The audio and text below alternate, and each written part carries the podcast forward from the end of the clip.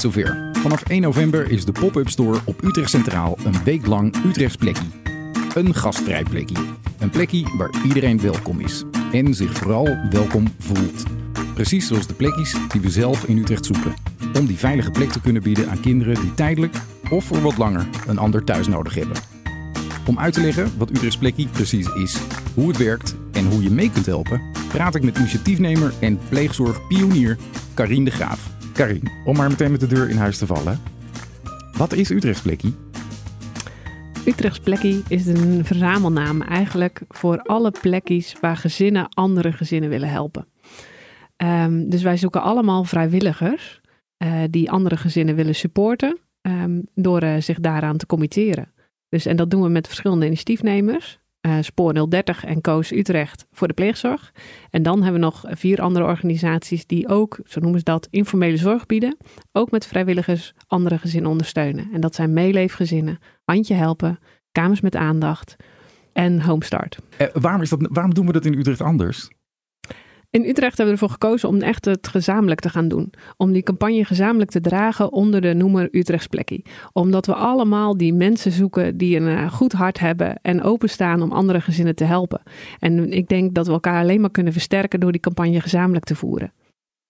En dat gaan we dus nu ook doen. Een ja. week lang in ja. uh, de pop-up store op Utrecht Centraal. Er komen van allerlei gasten komen er langs. Uh, en uh, iedereen is welkom eigenlijk in de store. Hè? Ja, het wordt echt een hele leuke plek. Waar we in een soort woonkamer steeds willen vertellen over wat we doen. En waar we de bezoekers ook kunnen uitnodigen van... Goh, wil je nadenken over kan jij iets betekenen voor een ander gezin in Utrecht? Wil jij een Utrechts plekje zijn? Ja. Leg, leg mij eens uit waarom het nou belangrijk is voor een kind... dat hij bijvoorbeeld één keer in de maand een weekendje ergens anders is. Wat, wat doet dat voor een kind? Ja, het is steeds zoeken wat er nodig is voor een gezin. En, maar het doet heel veel voor een kind, omdat het ook gewoon uh, op een plek kan komen waar het weer andere ervaringen op kan doen. Uh, waar het wat, uh, nou ja, dat verschilt steeds wat de vraag ook is. Dus dat is wat het ook voor het belang is voor het kind.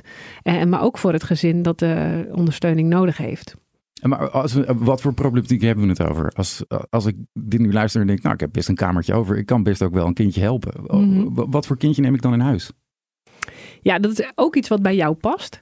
Uh, maar we hebben heel veel kinderen die uh, ze hebben uh, specialistische jeugdzorg nodig. Dat zien we heel vaak. Dus er is echt wel wat aan de hand. We willen natuurlijk eerst altijd kijken of alles opgelost kan worden bij de ouders thuis of binnen het eigen netwerk. Alleen soms hebben ouders extra ondersteuning nodig van een ander gezin. En dan is het heel fijn dat er een gezin is die als vrijwilliger zich daaraan wil committeren.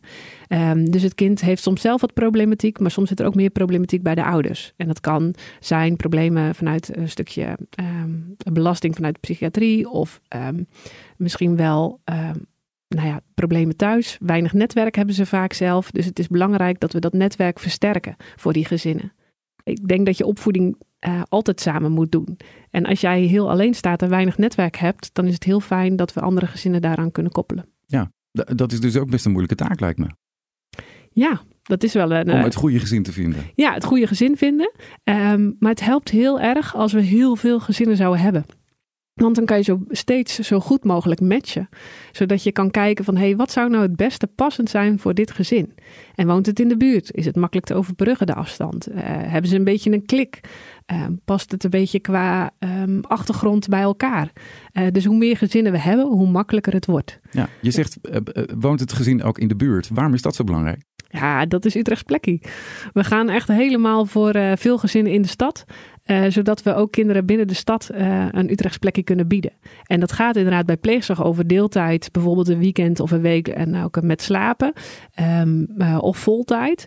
maar bij de informele zorgpartijen, bij meeleefgezinnen, kamers met aandacht, met handje helpen en homestart, kan het ook zijn voor een middag in de week of een paar uurtjes een spelletje doen bij het gezin zelf thuis. dus dan is het helemaal belangrijk dat het ook makkelijk te overbruggen is. Dat we niet heel ver hoeven reizen, maar dat ze elkaar vaak en makkelijk kunnen ontmoeten om elkaar te supporten. Ja, um, je zei net, we hebben heel veel Utrechtse plekjes nodig. Om hoeveel ja. kinderen gaat het eigenlijk? Oeh, ik vind dat altijd een hele lastige vraag. En dat is, um, ik kan niet in de toekomst kijken hoeveel vragen we hebben uh, of nodig hebben. Maar ik weet wel dat we zeker um, afgelopen half jaar zo'n 50 vragen hebben gehad voor pleegzorg. Binnen de stad Utrecht of dat een optie zou kunnen zijn. Um, maar daar gaan we ook nog met heel veel van die vragen aan de slag om te kijken of we dat in het netwerk zelf kunnen oplossen. Of er toch niet een oom of een tante is of ouders van vriendjes. Oh, dat doen jullie eerst? Ja, daar willen wij wel eerst naar kijken. Zodat dat gewoon um, ja, zo dicht mogelijk bij de leefwereld van de ouders en het kind opgelost kan worden. Um, dus dat zijn wel vragen die uh, bij ons binnenkomen. bij één vraag, en we hebben echt iets van pleegzorg nodig, hebben we eigenlijk vijf gezinnen nodig die ons kunnen supporten uh, die we kunnen uh, onderzoeken of die zou passend zijn voor die vraag. Uh, dus dan komt er maar één match uit en vier gezinnen niet. Maar dat betekent hmm. wel dat we een soort vijf van gezinnen nodig hebben, willen we het zo goed mogelijk kunnen doen. Dus het aantal kinderen en dan nog keer vijf. Ja. Zoveel gezinnen heb je eigenlijk nodig. Ja, het liefst wel. dus ik vraag veel, dat weet ik. Maar ik hoop ook dat er met deze week van de Utrechtse plekje ook echt enthousiasme ontstaat om op te staan en te zorgen voor veel Utrechtse plekjes voor gezinnen die het nodig hebben in Utrecht. Wanneer heb je nou eigenlijk een Utrechtse plekje? Nou, als jij vrijwilliger bent en een ander gezin ondersteunt, um, dan heb je eigenlijk denk ik al een Utrechts plekje. Dus misschien doe je het al zonder dat je verbonden bent aan een organisatie. Maar wil jij nou heel graag toch iets betekenen voor een ander gezin en um, uh, ontstaat dat niet spontaan, dan kan je je ook aanmelden als vrijwilliger. Of uh, bij de informele zorg of verpleegzorg. Hoe, hoe gaat dat? Uh, want ik kan me ook voorstellen dat mensen misschien een beetje eng vinden om zich daarvoor aan te melden. Dan meld ik me aan en dan krijg ik straks best een kind thuis. Nee, nou, maar dat doen we echt met heel veel zorgvuldigheid. Met alle organisaties gaan we kijken. Eh, er zijn altijd gesprekken met jou als gezin over wat bij jou past. En dat we goed kunnen bemiddelen. Uh, maar je begint ook eigenlijk met een stukje voorlichting. Dus misschien word je nu, krijg je interesse. Ga dan eerst eens naar de website utrechtsplekkie.nl of uh, meld je daar aan voor een informatieavond over Utrechtsplekkie. Dan zit je wat meer in een kleinere groep. Kan je rustig kijken van, hé, hey, wat zou passen bij mij? En kan je je aanmelden als vrijwilliger. En dan gaan we kennis met je maken. Kom je in voorbereidingsgroepen terecht. En um, dan pas gaan we kijken van, hé, hey, wat past er bij jou? Dus er zit wel een traject aan vast. En je kan natuurlijk zeker ook in de week van 1 november binnenlopen in de pop-up store. Ja, eh, eh, dat kan zeker. En dat kan dus op Utrecht Centraal. Ja. Daar staan we vanaf, vanaf morgen, dus vanaf 1 november. En we staan er de hele week tot en met 7 november. Er komen ook verschillende gasten langs hè, om te vertellen over ja. hun ervaringen met pleegzorg. Ja, we hebben uh, gasten vanuit de pleegzorg. Dus um, uh, een pleegzorgbegeleider die zelf opgegroeid is met ouders die ook pleegouders waren. Uh, we hebben uh, iemand die vertelt meer over netwerkpleegzorg. Hoe is het om uh, pleegouder te zijn als het gaat om familieleden. maar we hebben ook de gasten van um, Kamers met Aandacht, een verhuurder en een jongere. Um, Handje Helpen komt met een steungezin. en die komen ook in de podcast voorbij de komende week. Ja, ja, dat gaan we ook doen. Hè? Ja. We vinden elke dag een podcast vanuit. Dus de pop-up store maken met de gast van de dag. Misschien moeten we het ook nog even hebben over de politiek in Utrecht. Want daar hebben wij ook flinke steun aan. Uh, er is namelijk in Utrecht een Utrechts model. En wat is dat dan weer? Ja, we pleegzorg binnen het Utrechtse model noemen we dat eigenlijk. En ik denk dat het Utrechts plekje is binnen het Utrechtse model. Um, de gemeente steunt heel erg um, de visie ook wel om pleegzorg binnen de stad vorm te geven. Dus om echt kinderen uh, te kijken, kunnen we ze eerst supporten zodat ze thuis kunnen blijven wonen? Kunnen we alles op alles zetten samen met de lokale teams en de specialistische jeugdzorg om te zorgen dat kinderen thuis op kunnen groeien? Maar als het dan echt niet lukt, wat voor soort steun hebben we dan nodig die dicht bij het kind uh, kan gebeuren? En kan dat ook zo vorm worden gegeven dat kinderen bijvoorbeeld niet van school hoeven te wisselen, maar in de buurt kunnen blijven wonen van hun eigen netwerk, van hun eigen vriendjes? En dat is de visie voor de stad. En die dragen we gezamenlijk met Spoor 030, met Koos, met Lokales en de gemeente. En dat geeft heel veel support om dit samen te dragen. En zij werken ook volop mee aan de campagne. Um, er zijn mensen van de gemeente die zijn ook in de pop-up store om te helpen. Um, en zo geven we daar uh, nou ja, samen vorm aan. En dat is, uh, dat is tof. Ja, dat, uh, dat is zeker tof. Um, is er iets mis met de reguliere pleegzorg? Dat we het dan in Utrecht zo anders doen? Je kan je bijvoorbeeld ook voorstellen, laat ik het anders zeggen. Ik kan me ook wel voorstellen dat als er een kind het niet heel prettig heeft thuis.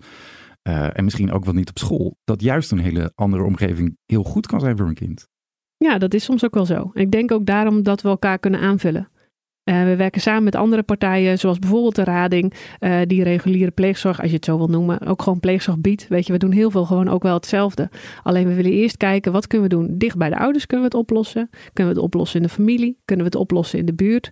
Of moet het daar buiten? En daarin willen we steeds kijken, wat is het best passende voor het kind?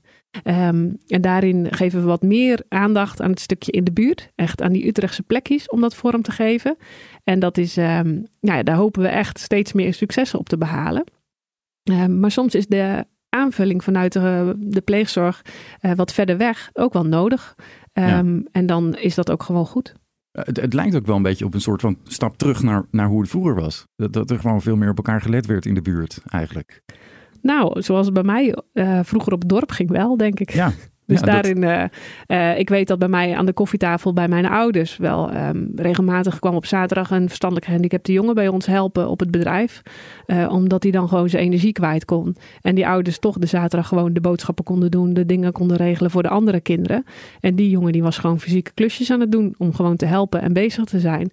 dus daarin was mijn moeder niet een Utrechts plekje, maar een, op het eigen dorp ja. een plekje. maar ze had wel een plekje voor die jongen. En zo waren er wel meer die bij ons langskwamen zonder dat dat formeel geregeld werd. En ja. ik denk dat dat een stukje omzien naar elkaar is. Um, ja, die, die ik goud vind voor opvoeding van kinderen. Ja, ik kan me ook herinneren dat van vroeger bij ons thuis er ook altijd een, een oma was in de straat. Waar iedereen gewoon altijd naar binnen liep en gezellig een koekje kon eten en zo. Ja. Die hield het ook altijd een beetje in de gaten als er een ruzietje was of als er iets gebeurde. Ja. Het is een beetje terug naar die tijd. Nou, ik denk dat stukje omzien naar elkaar, dat we dat weer meer op waarde mogen achten. En daarin... Um, uh, ja, dat mogen gaan doen en dat echt vorm gaan geven. En dat is soms best wel lastig in de individualistische maatschappij om dat uh, misschien spontaan te durven. Uh, maar er zijn dus organisaties die jou daarbij kunnen helpen en kunnen matchen aan iemand in de buurt waar je dat voor kan doen. En dat geeft ook, ja, ook wel weer meerwaarde voor je eigen leven. En je eigen buurt? Ja, zeker. Dat versterkt de hele buurt. Ja. ja. ja. Morgen dus, de Poppenstore, dan gaan we echt los. Mm. wat hoop je eigenlijk na deze week opgehaald te hebben?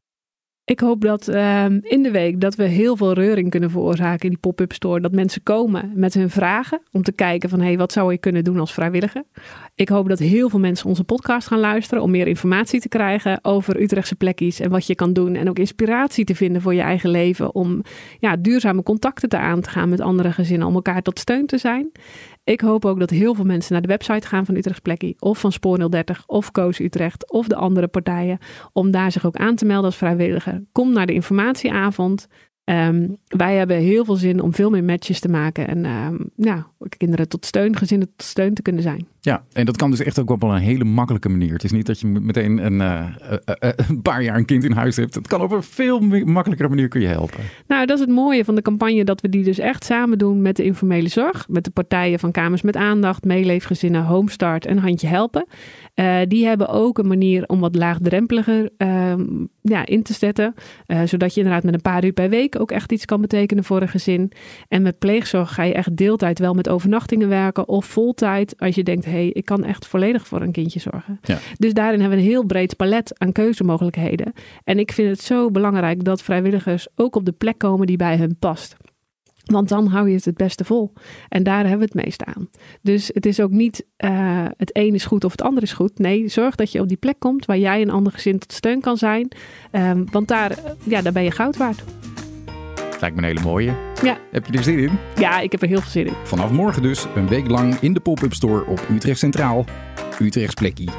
Volg de dagelijkse podcast via de bekende kanalen en kijk op utrechtsplekkie.nl voor meer informatie. En natuurlijk heel graag tot ziens in de pop-up store.